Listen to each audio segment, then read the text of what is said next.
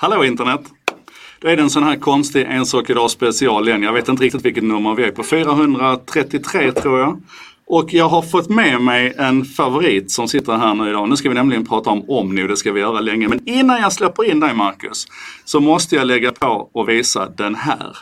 Det här är alltså 2012 på en ö i Blekinge. Den heter Kärö och det här är från ett av SSVC-åren. Ni får rätta mig om vi har fel men jag tror faktiskt att det är sista året.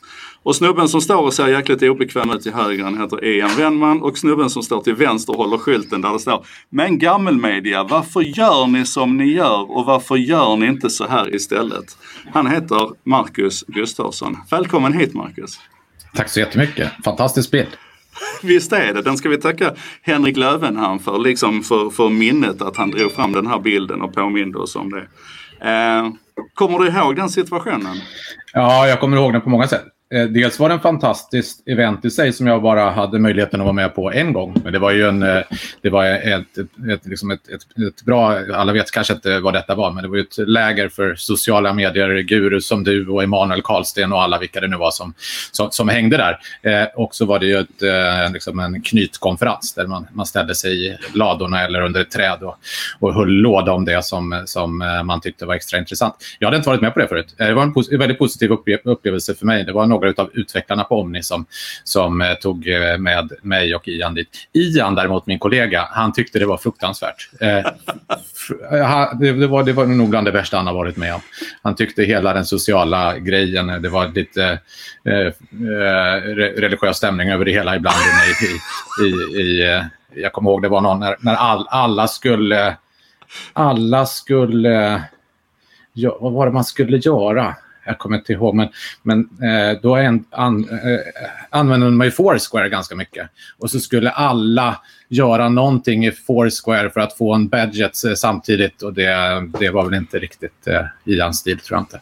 Men, eh, Precis, vi, vi, skulle swarma på Foursquare tror jag det hette det som, och sen blev det ju en egen app som heter Swarm också men, mm. men på den tiden var det fortfarande mm. så. Det.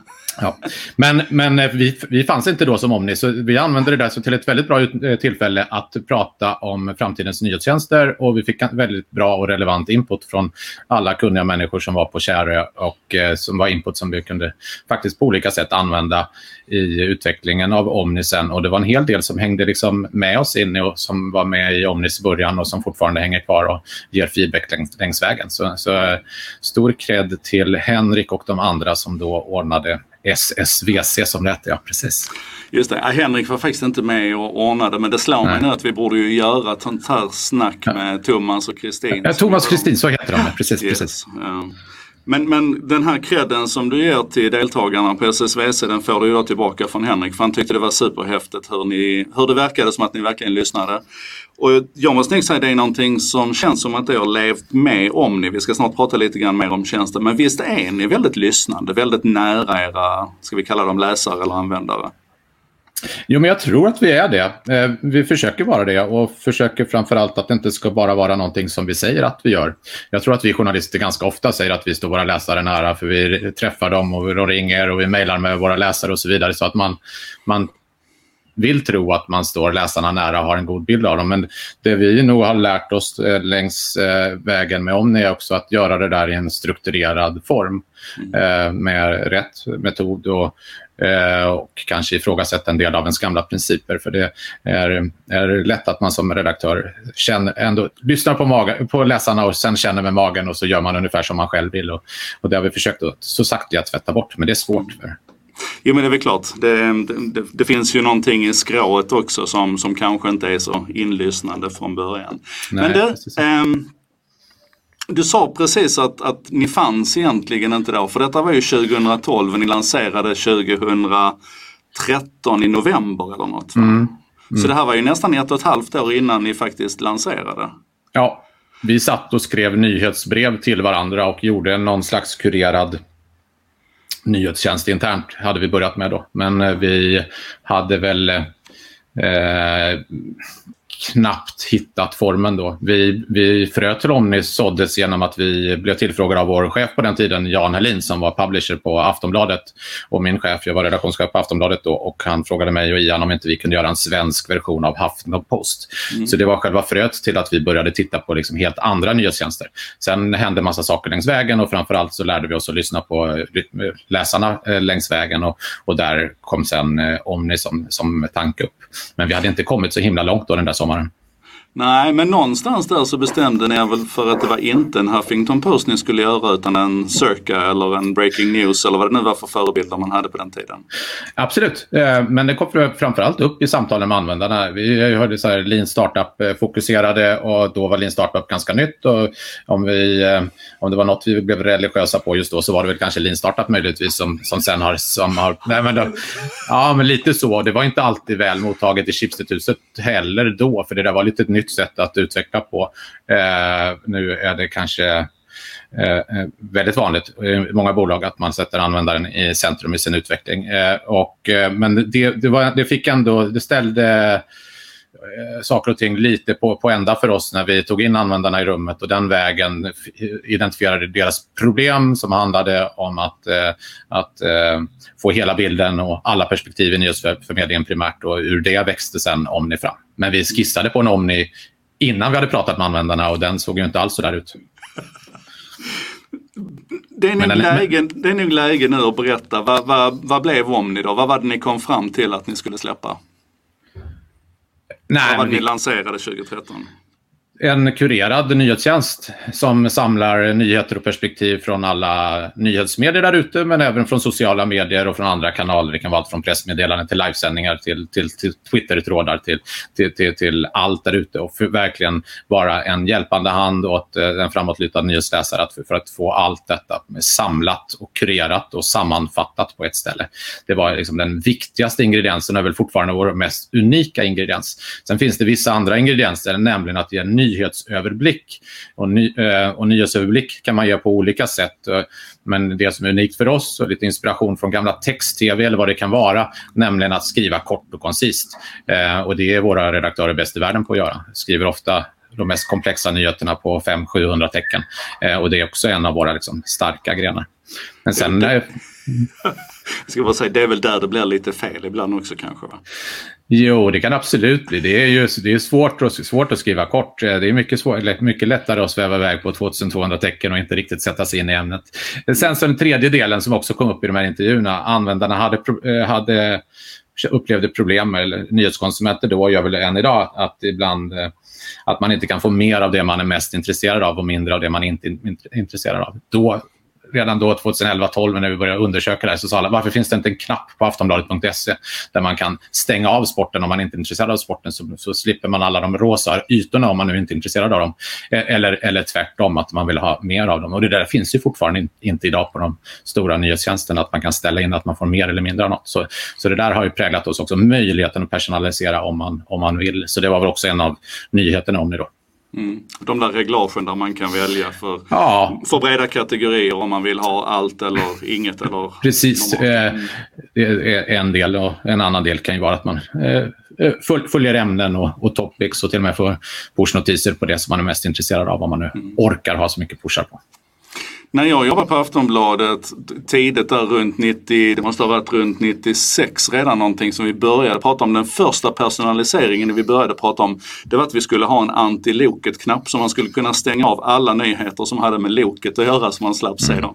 Jag tror aldrig den gick i drift. Det var inte så agilt på den tiden. Nej, men det finns ju en del anti-nyhetsknappar som har, har varit och en del har ju varit av det seriösa slaget och en del av det mindre seriösa. Det är väl någon som har slagit av Melodifestivalen någon gång och det är väl ganska Eh, eh, icke-kontroversiellt. Men det är klart, eh, norska tidningar när man stängde av ute, jag och Breivik för att det blev för mycket, inte, inte minst i rättegångsprocessen efteråt. Det är ju jag förstår verkligen att man gjorde det, eh, men det är en svår sak att hantera som nyhetsförmedlare om man ska tillåta personalisering att gå hur långt som helst. Just nu har vi många läsare som säger att Nej, men ni skriver alldeles för mycket om eh, covid-19 och, och, corona. Kan ni inte, kan inte bara stänga av det? Eh, men vore det ansvarsfullt att stänga av den bevakningen? Att, eller ge möjligheten att stänga av det? Vore det vore det bra. Det är, det är inte lätt. Det var ju likadant under migrationsdebatten i Sverige när, eh, när den var som, som hetast för ett, två år sedan. Då var det en hel del läsare som, som säger samma sak. Stäng av. Men ni har inga negativa filter va? Ni har bara att man kan bevaka och följa vissa ämnen mer men inte... Nej, precis. Nej. Precis, så har vi. Mm. Men eh, å andra sidan, jag är, jag är kluven inför det. För det är klart att, att ställa in att man slipper läsa om fotbollslaget man hatar eller inte kan ta i med tång. Det, alltså det, är ganska, det, är väl inte, det är väl inte så farligt. Det skulle man väl egentligen kunna få göra. Men ska man kunna stänga av stora, oerhört allvarliga nyhetshändelser ifrån sitt, sitt nyhetsflöde bara för att man är trött på dem? Jag vet inte. Nej. Henrik skriver här att inom mittmedia kan man välja bort sport men det kan man ju faktiskt i praktiken göra hos er också. Det är bara att dra regillaget till Det kan man, det kan man göra. Mm. Absolut. Men du kan, inte stäng, du kan inte ha all sport utom MFF? Nej, det kan du inte göra ändå. Men du kan ha på varenda pushnotis på varenda Malmö FF-händelse eh, eh, om man vill.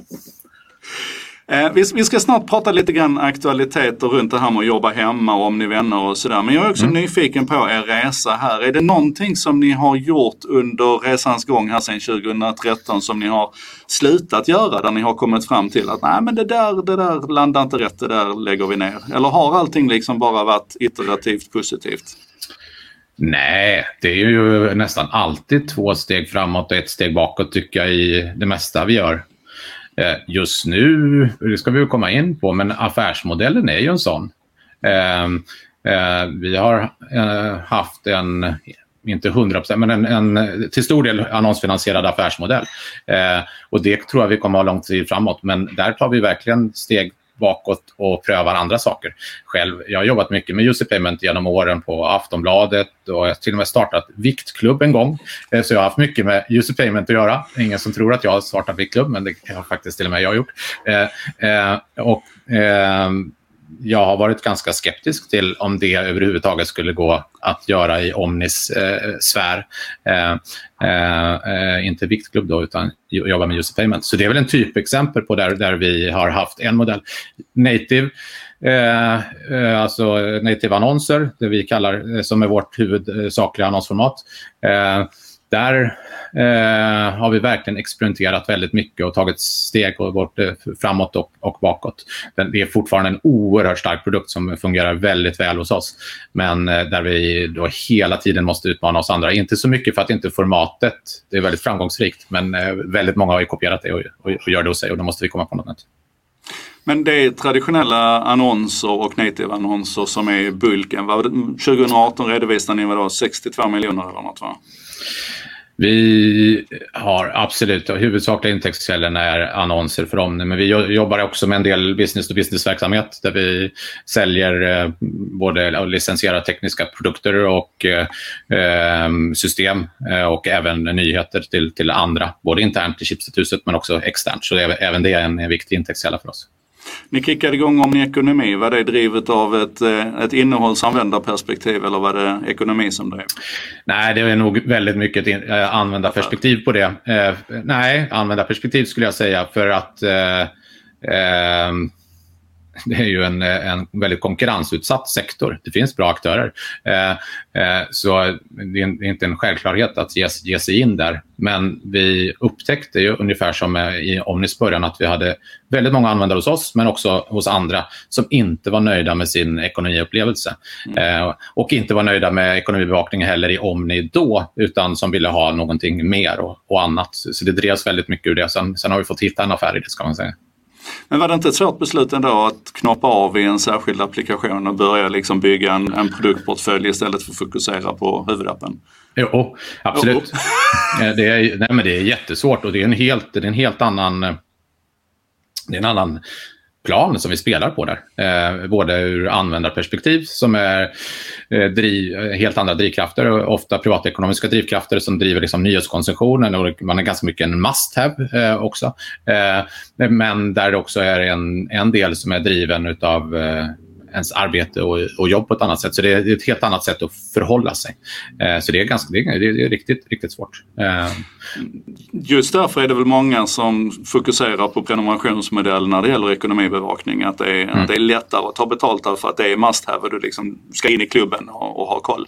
Men mm. ni har inte funderat på någon, någon inlåsning? Nej, jo, vi funderar på alla saker hela tiden ska jag säga. Och just inom ekonomiområdet, det kan jag inte berätta så mycket om idag, men inom ekonomiområdet så det är det vi jobbar mest med nu under corona egentligen.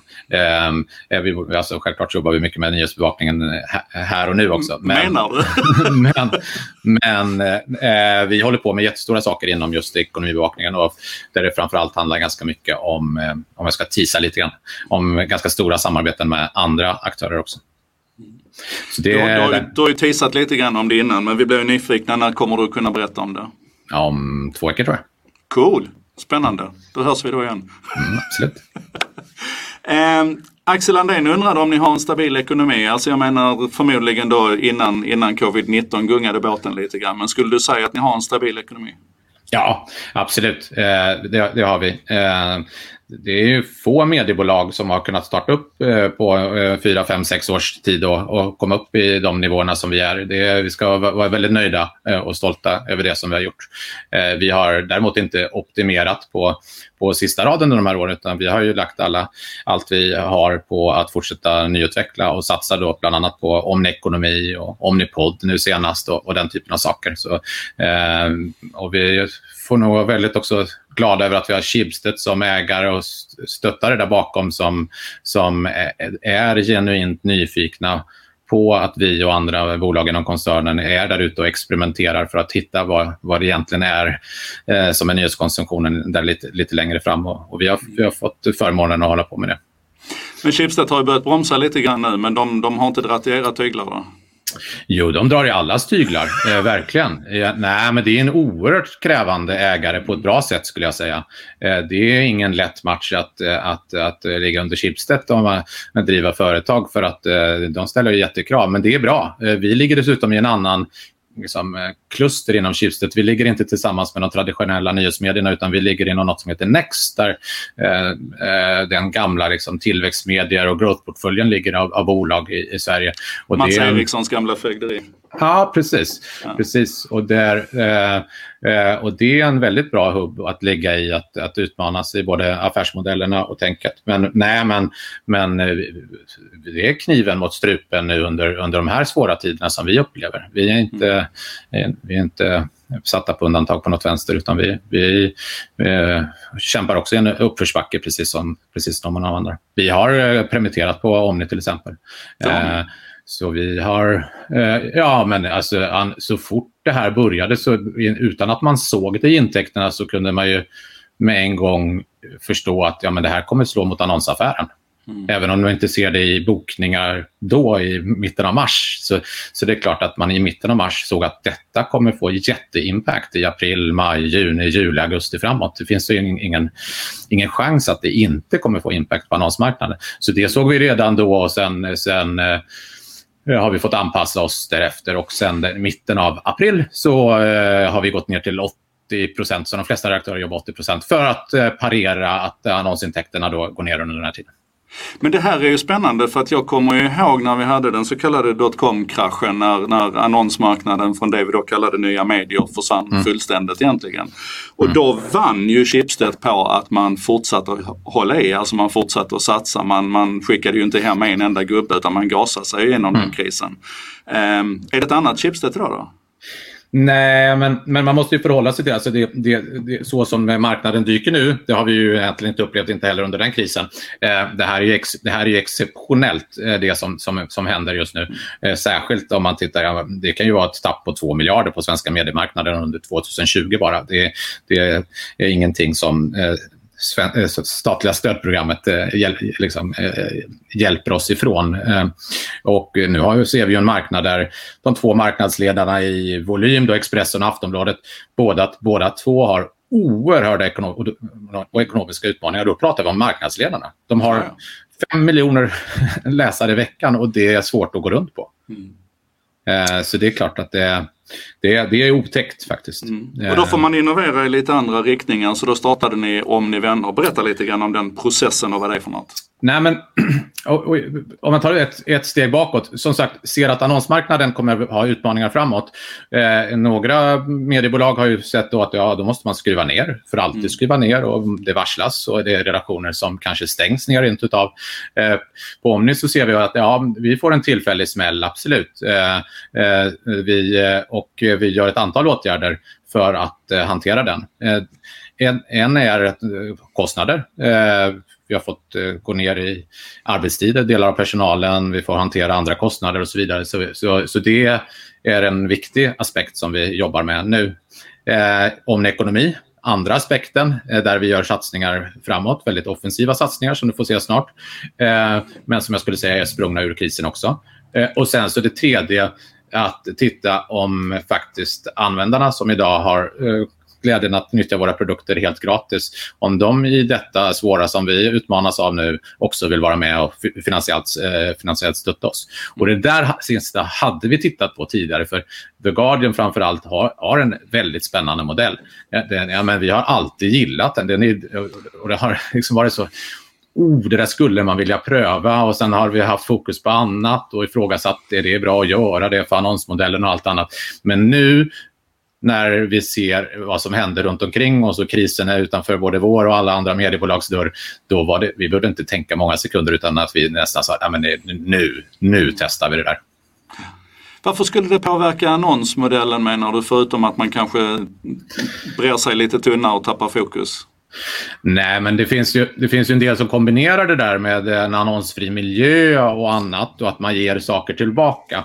Eh, och eh, det tror jag inte på i vårt fall, åtminstone inte vår annonsmiljö. Då skulle vi få ha, ha annonser som stack ut och irriterade på ett annat sätt. Vi har en väldigt liksom, behaglig annonsmiljö så sätt. Så det är egentligen det det handlar om. Men, men, eh, eh, nej, men det fanns inte mycket som talade emot att vi skulle göra det. Däremot så vi hade vi ju ingen aning om hur stor, hur stor ekonomisk impact en sån satsning kan få eh, när vi prövade det. Eh, vi kunde inte gissa på är det 200, 2000 eller 20 000 som, som eh, långsiktigt kommer vilja stötta om ekonomiskt.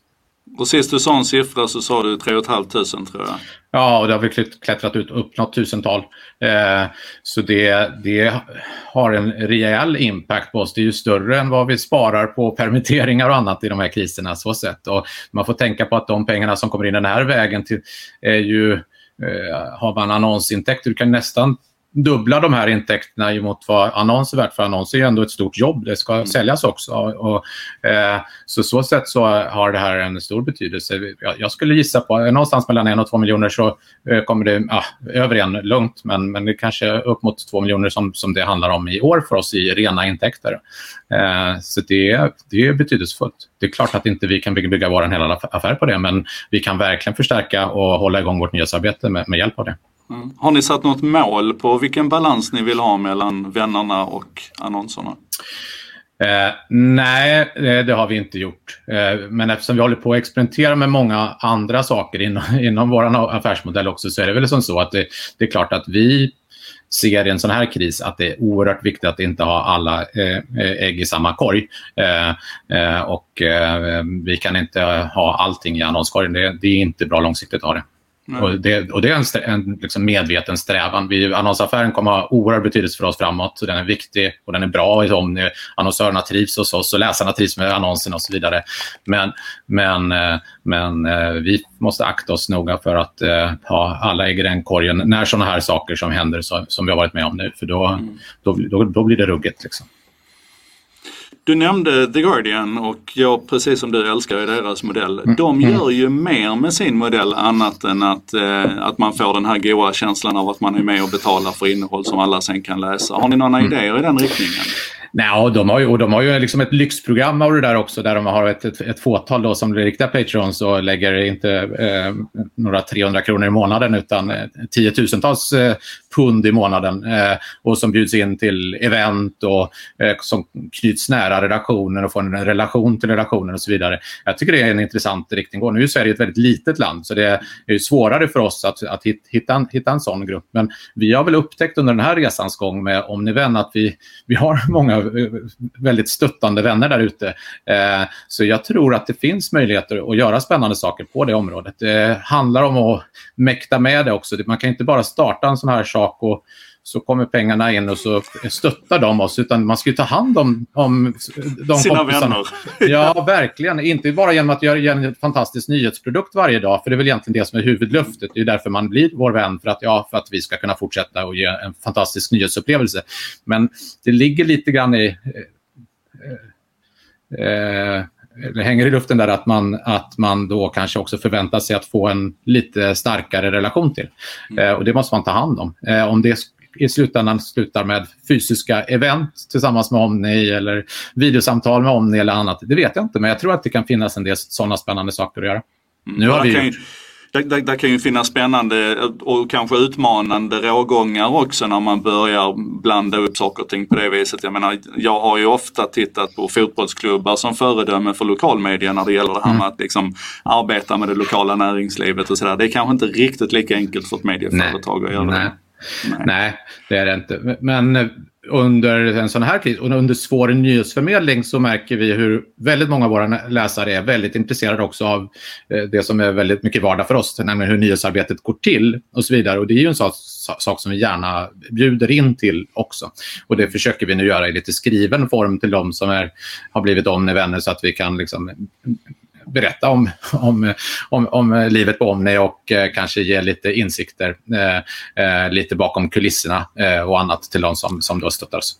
Mycket mer av sånt Marcus, för jag, jag tror att det uppskattas. Men, men dina läsare de funderar inte bara på det redaktionella arbetet. Henrik funderar på om det finns problematik i att tigga pengar när man ingår i en mediekoncern. Han har som- satt tigga inom citationstecken så vi får ge honom det i alla fall. Ja. Nej, eh, eh, egentligen det är ju inte, inte konstigare än att man eh, som del av en stor koncern eh, startar betaltjänster.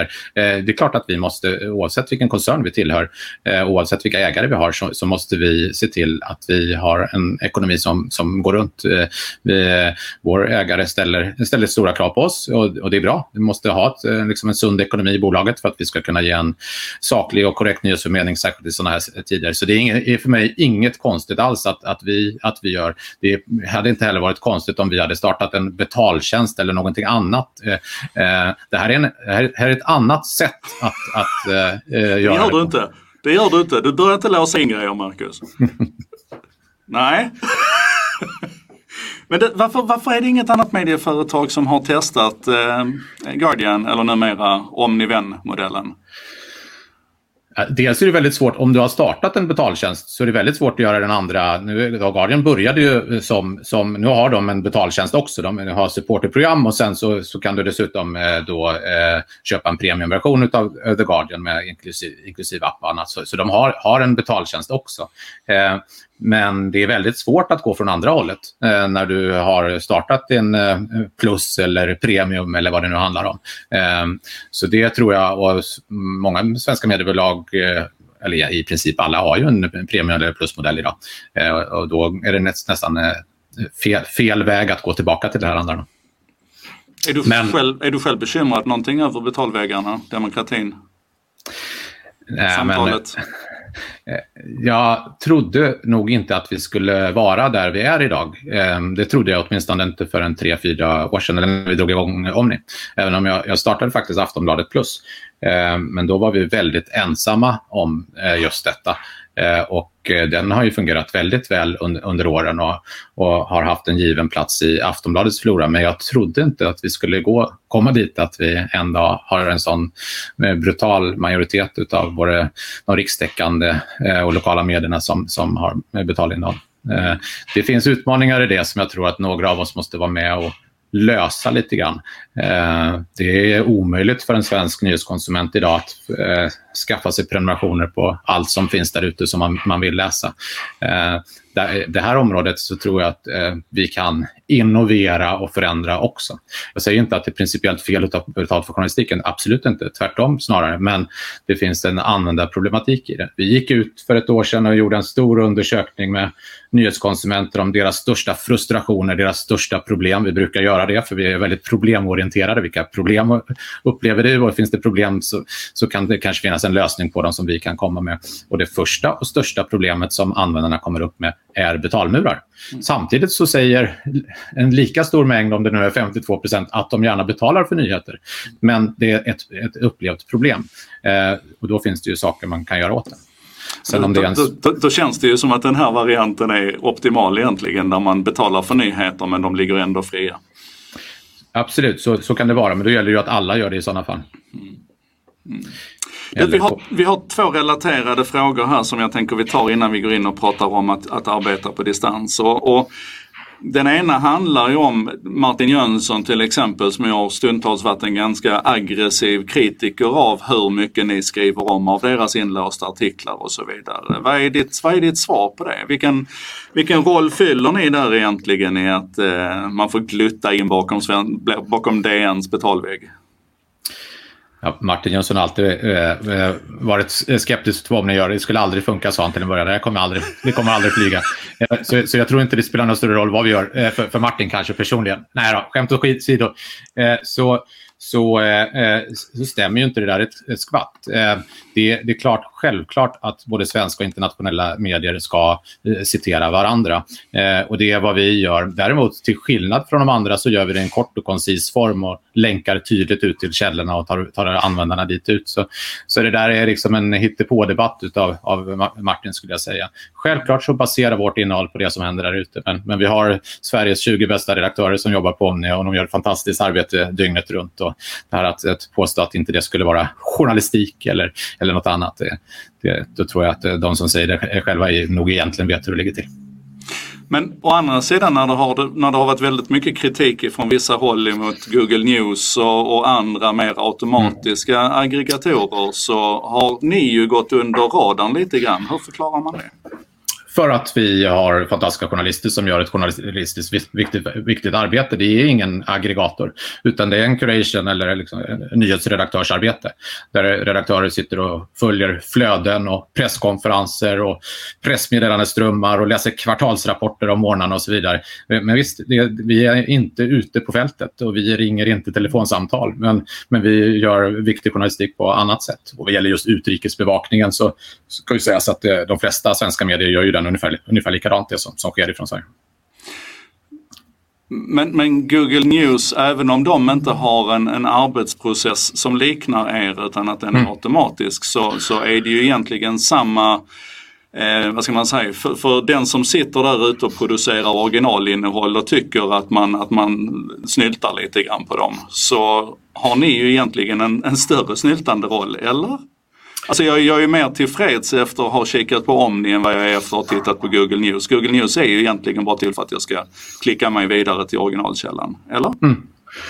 Ja, men det är väl jättebra att du är mer tillfreds med, med Omni. Nej, men, men själv, det, det, det, ser vi inget problem i. Men, men, men eh, effekten som vi ger till användaren, nämligen att kunna hålla honom eller henne i handen och ta henne eller honom vidare till den viktigaste journalistiken där ute eller den viktigaste live-rapporteringen som nu pågår där ute eller den viktigaste tweeten eller vad det nu handlar om i, i, nuet. Eh, eh, det, den har vi ju gemensamt med, med Google News, eh, självklart. Men sen ovanpå det, eh, och det är väl lite det, det som är vår USP också, att vi är en redaktörsdriven tjänst som bygger på god teknik. Eh, och vi är en teknisk liksom, innovation förhoppningsvis för, för, för, för läsarna också. Men vi är inte bara det, utan vi är en redaktion också med själ och hjärta som, som sitter och gör det där urvalet och betraktar den där texten och den där nyheten och gör den publicistiska värderingen för den enskilda pushnotisen om den ska skickas eller inte och så vidare. Och det, det, det är ju inte Circa, det är inte Google News, det är inte, utan det, det skiljer, de här, skiljer de här åt.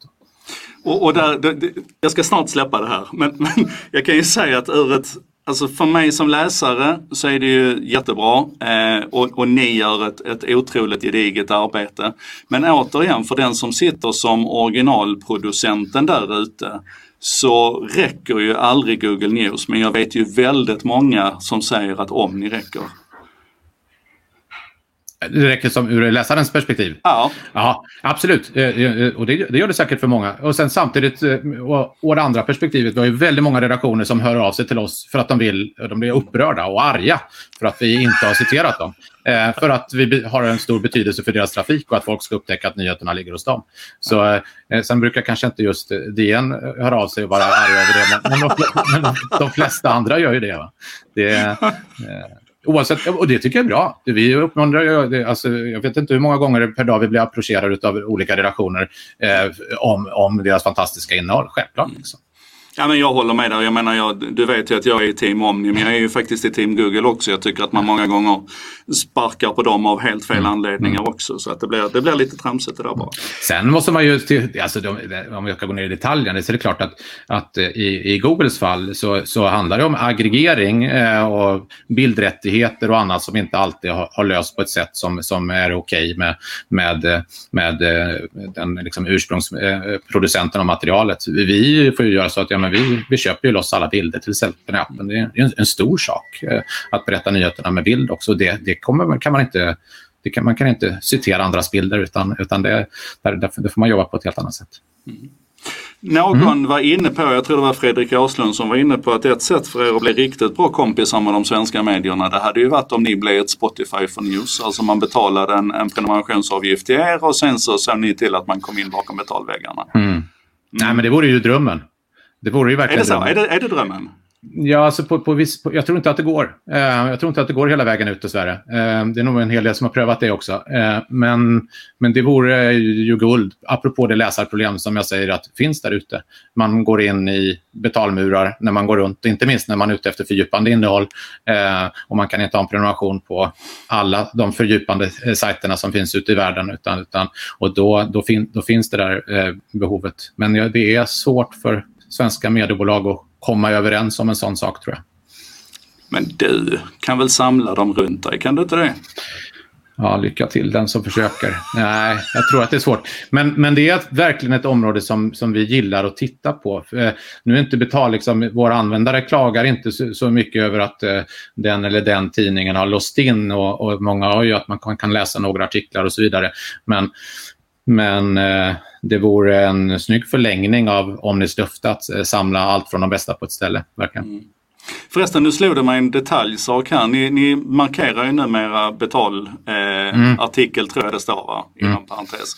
Men det där är ju att jaga ett rörligt mål. Har ni någon, ja. eh, har, har, ni någon smartness som ligger och kollar era länkar? Och... Nej, Nej, och vi måste ha det framåt för nu, eh, nu stämmer ju inte det där lite längre beroende på vilken användare man är och när man har haft sin prenumeration eller inte haft sin prenumeration. Så det där, eh, i, i princip, så vissa medier får man ju skriva betallänk på allt innehåll, även om det inte är riktigt sant, för ibland är det öppet ändå. Så det, det, det, är faktiskt ett, ett, problem som vi har att, att, att, vara, att märka det där korrekt. Men då försöker vi märka lite för mycket än för lite. För användare ska aldrig bli besviken när man klickar på det, så ska man veta var man, var man, var man hamnar någonstans. Liksom. Jag är fortfarande fascinerad över att inte sociala medier och Google har börjat använda sig av en liknande märkning i, i ja. större utsträckning. Det hade varit en... Eh... Ja, men det där är ju så viktigt på vår startsida överhuvudtaget. Liksom. Man ska alltid veta vad det är som händer när man trycker på något. Mm. Eh, eh, det är är eh, eh, vi skriver väldigt raka och förklarande. Ibland kanske det kan tyckas vara lite tråkiga rubriker. Men, men det är ju det är liksom hela vår natur att användaren ska hela tiden eh, känna att man är schysst, schysst behandlad och, och vet vad som händer härnäst. Både i nyhetsrapporteringen, långa pushnotiser där vi förklarar ganska, ganska tydligt. Det är inte klickmaximerat om man säger så. Men det är samma sak när användaren tas ut till en annan källa. Man ska veta var man hamnar och om det finns en betalmur där eller inte. Mm. Ni får eh, väldigt mycket uppmärksamhet i alla fall runt tanken på en Spotify-modell. Så jag tror att du kan ta ett par hundra kommentarer här och gå till, gå till Martin Jönsson och säga mm. att Martin, nu fixar vi detta. Spotify vi för nyheter. Vi får väl se vad jag kommer med om två veckor, eller hur? du är duktig på cliffhangers. Mm. En annan cliffhanger är att vi snart ska prata om hur det är att jobba hemma. Men jag har några frågor till först. En som också berör tekniken det är Anders Frick som undrar hur stor hur, i hur stor utsträckning använder Omni och övriga Schibsted-redaktörer de användardata som ni kan samla in och som ni kan samla in gemensamt inom Schibsted och så vidare. Och om ni inte använder det i speciellt hög utsträckning, varför gör ni inte det mer? Ja, eh... Hur datadrivna är ni? hur ska vi trycka det här? Till en, till en början så tror jag att vi var bäst i klassen. Ehm, eh, på att vara datadrivna, inte minst i våra interna processer. Vi, mycket mätte vi för att vi skulle veta vad vi skulle göra därnäst. Eh, så det, och sen har vi liksom lärt oss mycket, så sen behöver vi inte titta lika mycket på datan längre för, för, att, för, att, för att agera rätt. Eh, så, så, så sätt har vi varit, och vi är väldigt datadrivna i vår produktutveckling. Vi är däremot väldigt lite datadrivna i att anpassa tjänsten efter ditt beteende. Eller vi gör inte det egentligen. Eh, man kan tro det om oss, att vi har, någon fantast vi har en fantastisk algoritm, absolut. Men den tar faktiskt inte hänsyn till om du har läst väldigt mycket om Malmö FF eller inte. Eh, utan vi, vi låter det vara blankt. Så på vilket kommer... sätt är det en fantastisk algoritm då? för att den istället eh, tar, tar hänsyn till eh, de nyhetsvärden som våra redaktörer sätter och vi har helt enkelt en, en startsida som, som bygger på det och dina personliga inställningar. Så vi sitter inte och säger att den här saken ska ligga överst och den här ska ligga, saken ska ligga på tredje plats och den här saken på tionde plats, utan hela, hela startsidan är är bara algoritmstyrd. Det finns ingen etta-redaktör som på de andra tidningarna om man säger så. Eh, eh, så, så, så sätt är vår algoritm A och O och den väger ju in då om du har sagt att du vill ha mindre sport och mer ekonomi och så vidare. Men, Men inte att jag har sett ett visst antal artiklar nej, tidigare? Nej, vi gör, vi gör inte det. Eh, för att det har varit så tydligt i användarintervjuerna att man inte egentligen vill ha det. finns en, en del som vill ha det förstås, så vi, vi får se vad vi kan göra åt det framöver. Det finns en del som vill att, har jag aldrig läst det, ska jag aldrig behöva läsa mer om det heller. Men, men eh, vi har satt eh, som en, ett val för användaren att göra istället och säga nej, jag vill inte ha någon sport. Och jag vill ha en pushnotis varje gång Trump har sagt något. Men, men ni tittar inte heller på, på, vad ska man säga, mitt klickmönster att eftersom du verkar läsa mycket om detta så tror vi du är intresserad av det här också? Nej, vi vi vi alltså, det påverkar inte våra argument. Däremot är det som så att det där eh, i, i viss mån inom Schibsted eh, eh, används för eh, att ge en bra annonsupplevelse och träffa rätt för, för en annonsör. Eh, så, och, men där måste man hålla tungan rätt i mun och se till att man eh, utifrån privacy och annat eh, hanterar det där rätt. Så där, där är man ju mer finkalibrig i, egentligen än, än, vad, än vad vi är eh, hos oss vad det gäller mm hur vi mixar vårt innehåll. Okej, okay. jag känner att vi skulle kunna prata hela veckan här så att för att inte det ska ta hela kvällen för dig Marcus. låt oss prata lite grann om det här med att jobba hemma också. Det blev eh, Coronakrisen klippte till och det ruckade inte bara affärsmodellen och nyhetsläget utan det ställde också till det lite grann på arbetsformen. Berätta, vad gjorde ni för någonting? Äh, äh, ja, vi gjorde massor. Det var, jag kommer ihåg det, det var en kväll, eh, 9-10 mars eller någonting. Då började corona vara eh, gigantiskt stort eh, i hela Sverige. Eh, den hade varit stor i vår bevakning i en månads tid ungefär. Då började jag och några kollegor bli lite oroliga nästan för eh, hur det praktiskt skulle påverka vårt arbete. Vi såg det var något systembolag någonstans och något annat företag som fick stäng, stänga ner när man hade smitta på kontoret och annat. Eh, och då tänkte vi, men 17, hur skulle vi göra om det stängs ner här i Schibsted-huset imorgon eller i övermorgon. måste ju ändå ha en ordentlig plan för att det är fullt möjligt att, att, att det händer. Och då kommer vi väldigt snabbt till slutsatsen, men för 17, det bästa sättet att hantera det här är ju att den flyttar hem redan nu. Mm. Eh, dessutom så gör vi väl, bidrar vi åtminstone lite grann till den minskade samhällsspridningen om vi gör det, att våra medarbetare inte åker kollektivtrafik och annat till jobbet. Så den där kvällen så pratade vi om det. Nästa morgon så bestämde vi oss, vi flyttar hem idag. Och så flyttade vi hem den eftermiddagen. Och ungefär samtidigt så gick Schibsted ut med samma rekommendation till alla bolag, både i Norge och, och Sverige, att eh, försöka flytta hem i den mån man, man kan. Då. Eh, men vi flyttade hem hela bolaget den eftermiddagen. Så eh, redaktionscheferna på Omni, Matilda och Emma, de blev en logistikcentral den eftermiddagen och skickade skärmar med budbilar över hela stan och så vidare. För man behöver ju upprätta en, eh, en bra arbetsplats hemma också. Eh, och sen den efter, sent, sent den eftermiddagen så har vi kört hemifrån hela tiden. Mm. Och då var det som du var inne på här, då var det inte bara laptopen under armen och gå hem liksom utan ni, ni byggde en arbetsplats hemma. Hur, vad, vad ja. ingår i en sån arbetsplats? ja, två eller tre skärmar. Eh, alltså en laptop och en eller två skärmar till. Ehm, det är ju en, liksom en nyhetsterminal som man måste bygga upp med all den programvara och system och annat vi har för att övervaka all världens olika flöden. Ehm, allt från våra hemsnickrade system som är vårt eh, CMS och ska man säga, övervakningssystem. Eh, och TweetDeck och allt annat som, som man har uppe som, som redaktör. Ehm, men eh, även andra aspekter, både ergonomiska sådana och, och privata sådana så att var och en verkligen kan bygga upp en, en bra arbetsmiljö hemma hos sig. Det var den ena aspekten eh, och det är ganska svårt. Om bor man i en eh, etta på 27 kvadrat tillsammans med sin sambo inne i centrala Stockholm så är det inte alltid lätt att, eh, att, att fixa det där. Så det, det har vissa, vissa utmaningar. Men det har gått bra. Den största utmaningen för oss visste vi vad den skulle vara och det är att få till i en breaking news-desk att få till att man kan ha en snabb kommunikation redaktörer emellan. Jag tror det är därför de stora redaktionerna i övrigt inte har flyttat hem. De, de stora rikstäckande nyhetsredaktioner i Sverige har vad jag vet inte någon av dem flyttat hem sin breakingverksamhet utan de, de, de kör den från kontoret fortfarande. Men ni eh, löste det ändå va? Ja, vi löser det bra. Och det går till så att våra redaktörer, när de kommer till jobbet så går man rakt in i en eh, live-videorum som det här eh, och så, och så sitter man där hel, hela arbetsdagen. Så att man, det är inte så att man sätter sig i ett videomöte med kollegan utan man, man är i sin videochatt hel, hela, hela dagen. Och det, det gör att jag skulle säga att vi är har lika bra kommunikation egentligen och är lika snabba i de här eh, svåra lägena som det handlar om när man ser att någonting har hänt på andra sidan Atlanten, eller vad det är, vi följer en presskonferens eller något liknande och så måste man ta de där diskussionerna. Eh, det går till praktiskt så att man ofta stänger av kameran ändå fast man har en videochatt för att man vill inte titta varandra i ansiktet hela tiden. Men precis som man sitter vid sin dator så har man ju kollegan här borta till höger i vanliga fall men den sitter i lurarna eh, istället. Så, så vi, vi, har fått till det väldigt bra. Så har vi ett par olika chattrum förstås. Eh, så ekonomireaktionen har sin och eh, vanliga Omni har, sin och ibland går man in i samma. Men det uppstår problem. Eh, så pågår en livesändning. Vem ska lyssna på den i sina lurar eller någon annanstans? Så det finns lite tekniska utmaningar där. Jag tror utmaningen kommer också nu när vi kommer tillbaka till kontoret. När det nu sker. Men jag tror att den kommer ske successivt. Och då måste vi lösa... Nu sitter ju alla remote och det är okej. Okay. Men om halva gänget sitter på kontoret och har en bra kommunikation, en vanlig kommunikation där, hur ska vi lösa det då när några sitter remote? Så det har lite saker kvar, men det har fungerat eh, fantastiskt bra.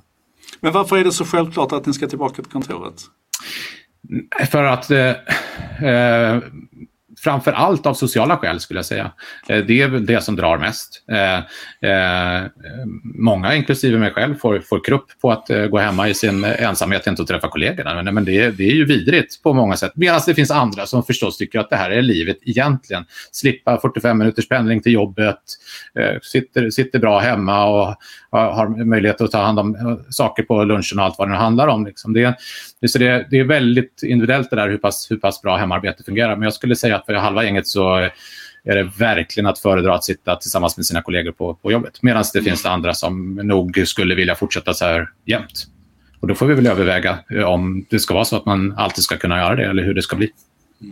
Jag vet inte om du lyssnade på Zuckerberg här nu senast och, och läste det. För de har ju gjort ett, ett jättegediget arbete med att försöka utreda hur man ska arbeta efter mm. corona. Mm. Och, och de identifierade, det fanns ju ett antal olika utmaningar man identifierade med remote work och en av dem var ju just det sociala. Men då var de mm. inne på att man kanske kunde lösa det med, med mindre kluster och andra grupper av människor. Att man inte mm. nödvändigtvis behövde åka in allihopa och samlas på ett och samma kontor utan att det fanns andra idéer för det där. Men, men din målbild just nu är att det kommer nog att bli en återgång till ungefär det normala? Mm, jag vet inte. Jag vet faktiskt inte. Vi, vi har sagt så här att alla som vill, de får jobba hemma åtminstone till första september. Så har vi sagt hittills.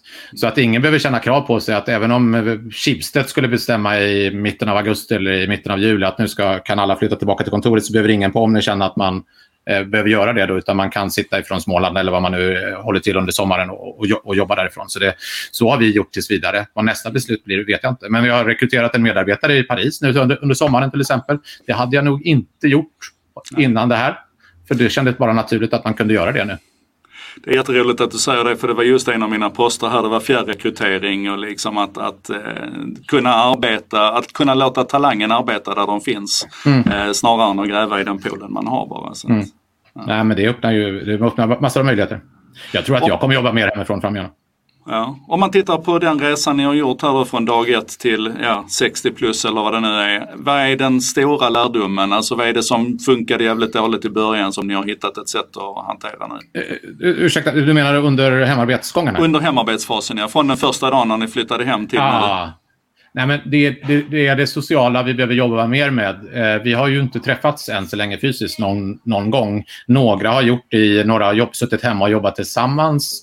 Eh, och vi har sett, faktiskt varit lite extra duktiga på att hålla, till, hålla oss till restriktionerna och inte haft eh, möte tillsammans. Men imorgon då gör vi en picknick tillsammans. Mm -hmm. då, då sticker vi ut på Gärdet och tar lunchpicknick i tre timmar så att folk kan komma lite när det passar arbetstiderna. Eh, och så, så, sitter vi på bra avstånd från varandra och, och eh, käkar picknick så att man åtminstone får, får, får, får, får se varandra. För det är många som inte har sett, sett varandra på två månader nu, vilket är konstigt.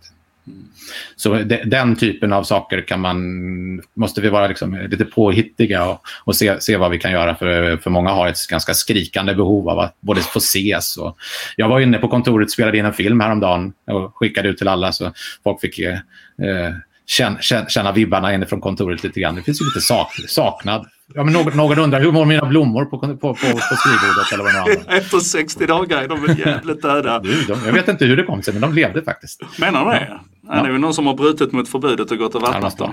Ja, men det, i, när, när, man går in i chipsethuset, då finns det ju de som eh, jobbar, vilket blir konstigt när man själv är så eh, hård med detta och sitter hemifrån. Men eh, då när man går upp i våningar så ser man att det sitter Svenska Dagbladets redaktion och jobbar på plats. Och där sitter Aftonbladets redaktion och, i sina delar då och jobbar på plats. Så det, så lite, lite konstig känsla när man går igenom, igenom huset där. Mm.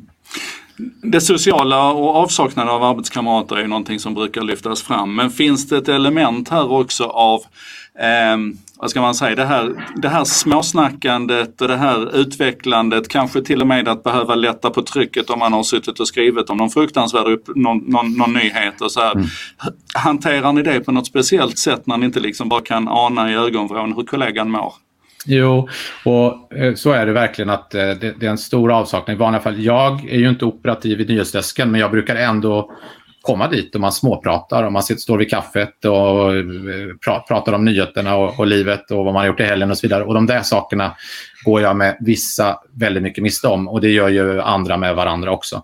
Eh, jag löser det med en liten grupp, liksom, en lite ledningsgrupper på mig, att vi tar alltid en kaffe på morgonen tillsammans i videochatten så vi börjar alltid dagen så. Så det finns ju olika medel att ta sig förbi det där men, men, eh, men de är ju inte lika bra. Så det blir mer eh, one-to-one-samtal så här. Mm. Eh, som, som, man måste liksom planera in eh, och så vidare. Så man får ha en lång rad aktiviteter. Mycket mer eh, undersökningar om välmående på jobbet och den typen av saker. Massa, massa små instrument för att, för att försöka fånga upp de där sakerna. Men, men de är ju inte, i det där fallet så är de ju inte lika bra som småsnacket precis när man kommer in till jobbet eller, eller vad det handlar om, dessvärre.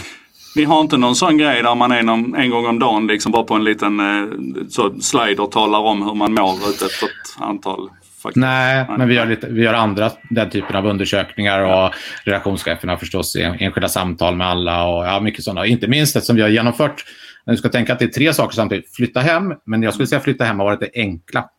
Det svåra har varit bevakningen. Det här är en enorm nyhetshändelse att bevaka.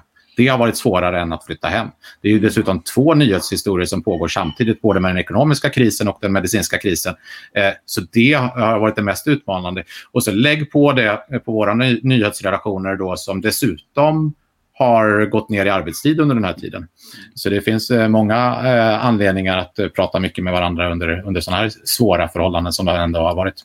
Men det har, ja, det, det har, Ja, och det är väl ett fullständigt unikt nyhetsläge också. Du har ju varit med länge va? men just det här att det på många sätt är av karaktären en, en terrorhändelse men den klingar ju liksom inte av. Va? Utan den, mm. den, den ligger ju på en väldigt hög intensitet hela tiden nästan.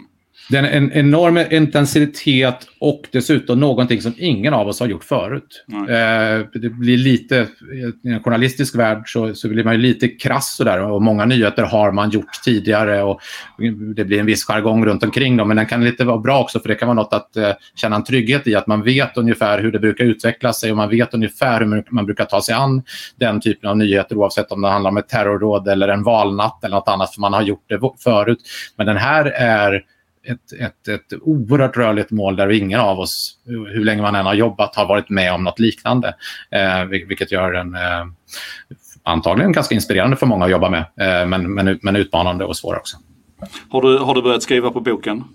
Nej, nej men det, det, är, det är, man tänker det, man borde eh, ta ja. mycket anteckningar på, på det man gör. Eh, det, våra, våra, bästa anteckningar är ju det som sker i Slack. Liksom. Om vi bara ser till att kunna plocka ut allting i våra, så i våra, vår, vårt eh, chattverktyg så där finns det ju fantastiska historieskrivningar om, om många nyhetshändelser och hur redaktioner tar hand Och det finns ju numera på, nu är det många som jobbar chattbaserat på nyhetsredaktionerna. Där tror jag, där kan man, det kan man skriva böcker av det som redaktörerna har bidragit med när man har diskuterat eh, nyhetsutvecklingen i chattrum. Superintressant. Jag har ju för egen del sen slutet på januari ett antal repositories där jag liksom bara dumpar in material från de här dagarna för att jag mm. liksom ska komma ihåg det sen en dag. Mm. Mm ja, du vet, ni, svenska mediebranschen är experter på att förstöra länkar och sådär så man måste ju spara pdf och man ska vara säker på att man har kvar vad som hände, hur det skrevs och hur det kändes och sådär. Men det är, eh, vi ska snart lämna det. Eh, hur ska arbetsplatserna hemma hantera skattemässigt? Har ni någon skattekonsult som hjälper era, era anställda? Ingen För nu aning, har det ju faktiskt. varit arbetsplats hemma, då får man ju göra avdrag.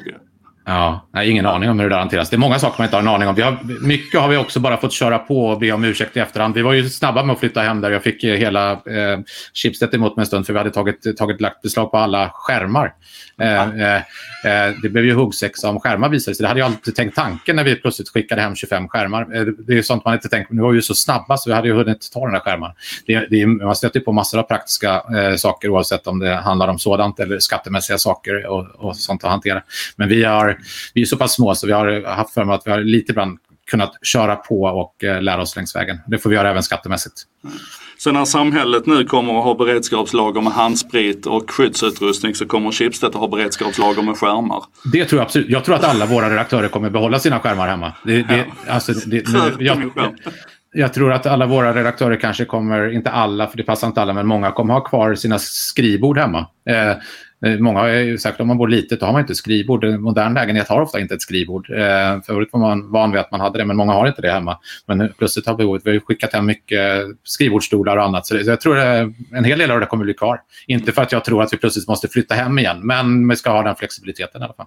Ja. Herregud, nu har vi pratat i en timme. Ja, och jag tyckte det här var lite roligt för du var så här, vad fan, jag sa 45 minuter kanske det tar och du bara sa nej men det finns ju inte en chans. Känns det som om tiden har gått långsamt Marcus?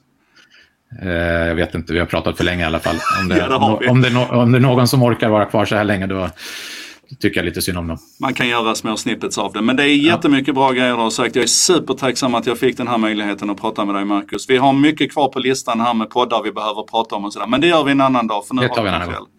Tusen tack för att du ställde upp. Ha det bra. Tack själv. Tack. Tack. Hej då. Hej. Och hörni, det där var alltså En sak idag nummer 433. Det är nog en av de längsta hittills tror jag. Men så blir det av det hjärtat är fyllt.